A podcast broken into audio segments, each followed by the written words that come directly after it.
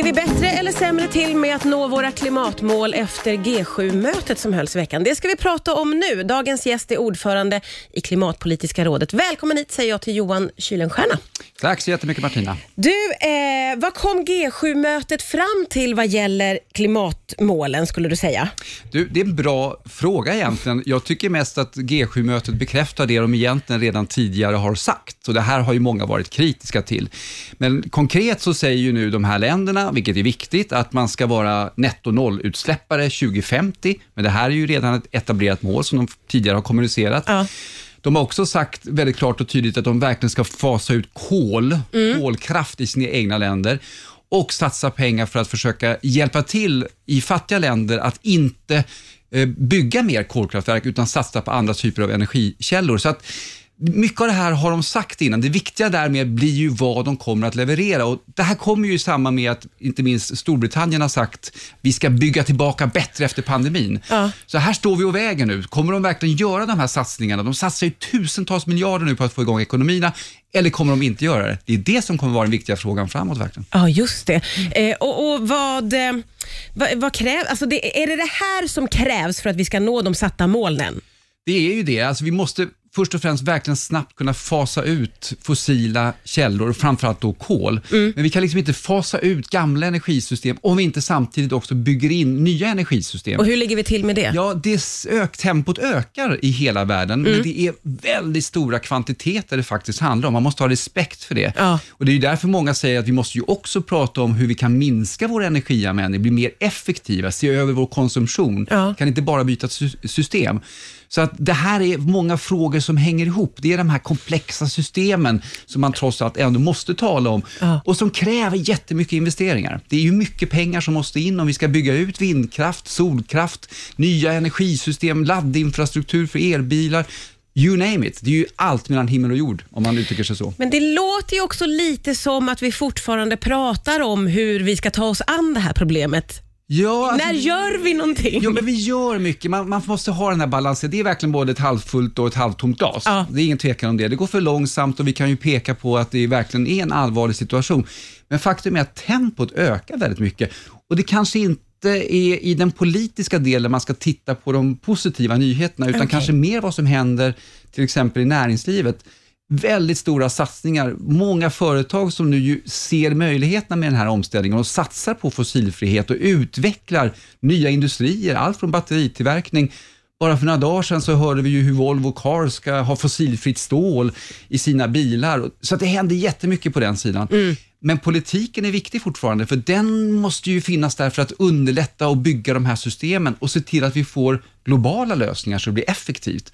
Så att visst har vi en lång resa kvar, ingen tvekan om det, men det börjar också hända väldigt mycket som är spännande och mycket positivt. Får jag fråga dig, på vilket sätt gör det skillnad att Joe Biden är president och inte Donald Trump i det här läget?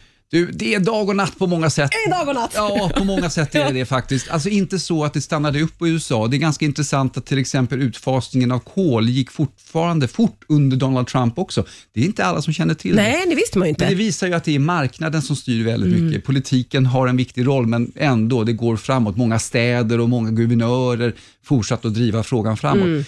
Men med Biden så är de ju tillbaka som en seriös samtalspartner också på det globala planet. Ja, det. Så G7 var ju nästan dysfunktionellt med, med Trump som president och vi kunde se det i många andra sammanhang. Nu är de ju tillbaka i Parisavtalet. Man vill vara en positiv kraft tillsammans med de andra demokratierna. Och Det här tror jag är otroligt viktigt. Det här ledarskapet är viktigt och USA är en viktig kraft. Ja, Stor verkligen. utsläppare men har också många lösningar. Om vi ska eh, lägga luppen på Sverige då, hur, hur, ser, hur ser våra klimatmål ut om vi börjar där?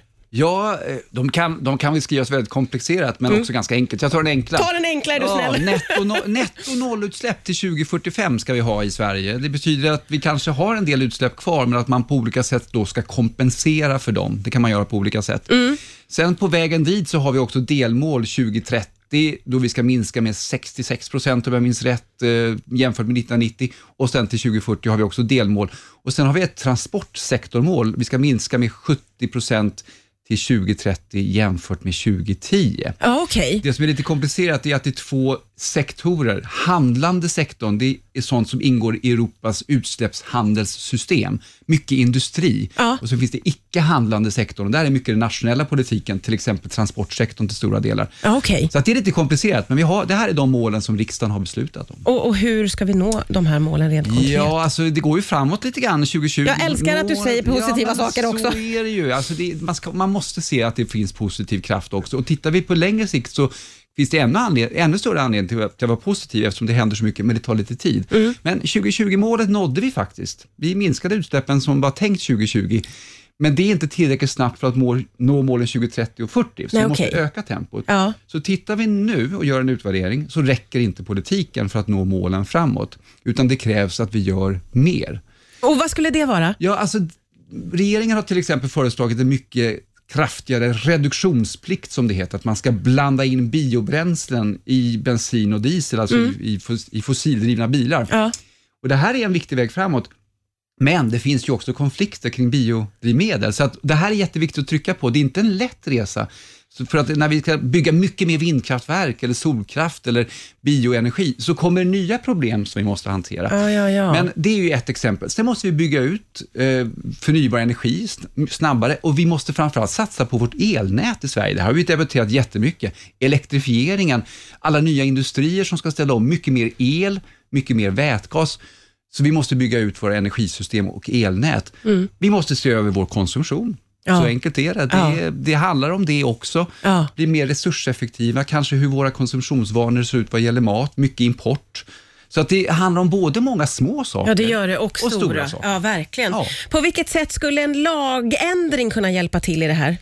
Ja, alltså vi har ju haft mycket lagändringar förstås som har varit drivande och skatter, koldioxidskatter och sådana saker. Så det finns ju olika skatter man kan införa naturligtvis.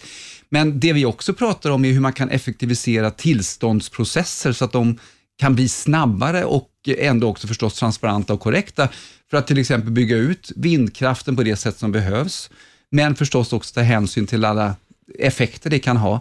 Så det, det är ett, en lagändring som man kan göra, men det handlar ju om, ofta om skatter på till exempel utsläpp, olika typer av utsläpp. Det är ju ett exempel också.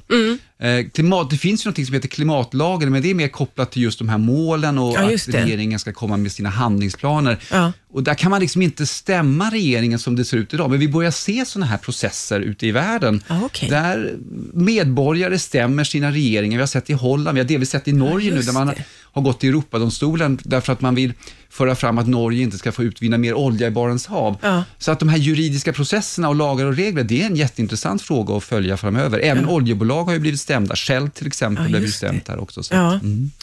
Eh, vi ska prata lite grann om hur eh, pandemin har påverkat vårt sätt att tänka kring klimatfrågor. Om den har det. Ja, men jag, jag tycker att han har det faktiskt. eh, På många sätt, positivt sätt också. Alltså, jag var, trodde ju i början verkligen att eh, pandemin skulle överskugga klimatdebatten, men det gjorde den inte. Jag tycker klimatfrågan har fortsatt att debatteras både i- bland allmänheten men också inte minst i media. Man har hållit kvar vid frågan. Och Det finns ett par saker som är viktiga. Jag tror att dels är det här med kris, man förstår vad en kris är, en samhällskris, hur det här kan påverka oss. Så klimatkrisen är liknande fast mer långsiktig och kanske lite långsammare, men det som påverkar fundamentala samhällssystem. Kom ihåg i början där vi var rädda för livsmedelsförsörjningen och Ja. började hamstra mat och grejer. Och jag menar, det är ju lite grann samma sak med klimatkrisen. Kan det, hur kan det påverka i framtiden? Så att vi fick en krismedvetenhet, tror jag. Ja. Och sen är ju då tillbaka till G7, det är ju det här nu med alla länder som verkligen säger nu ska vi ta oss ur den här krisen. Vi måste se den som en möjlighet när vi ska nu investera oss ut. Det här har man ju pratat om vid tidigare kriser också. Och där kan det ju bli en intressant möjlighet om de nu levererar på det de säger. Build back better som Ja, många det. världsledare Ja, talar om idag. ja. Mm. Kan du ha en känsla för det? Alltså, vad, vad tror du om det? Jag tror att det kommer, vi kommer se både och. Ah, Det okej. är precis som flera påpekar, de här G7-länderna fortsätter fortfarande investera en hel del fossilt och stötta fossiltunga branscher. Och det, det beror ju på att det också handlar om jobb och ekonomi Ja, och ja. alla regional politik och allt möjligt.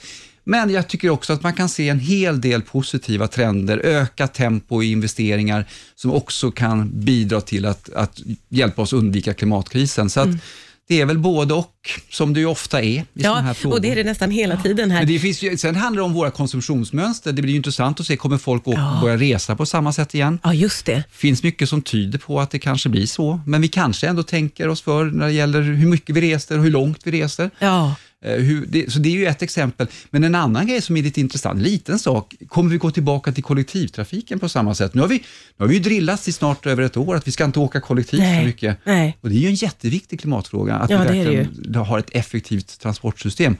Så det finns ju även sådana frågor som faktiskt kommer vara viktiga att eh, diskutera framöver. Ja. Du, om vi blickar framåt, eh, vilket är det bästa och vilket är det sämsta scenariot vi har framför oss? Ja, jag gillar att vara lite drastisk. Jag vet, men det bästa scenariot är ju faktiskt att alla länder och alla företag och alla som nu har satt väldigt, väldigt tuffa mål och eh, vägarna dit, att de verkligen gör det de säger att de ska göra. Det är ju det bästa scenariot. Och det här är ju fullt möjligt. Det är ju det som är så intressant idag. Nu går det ju att göra det.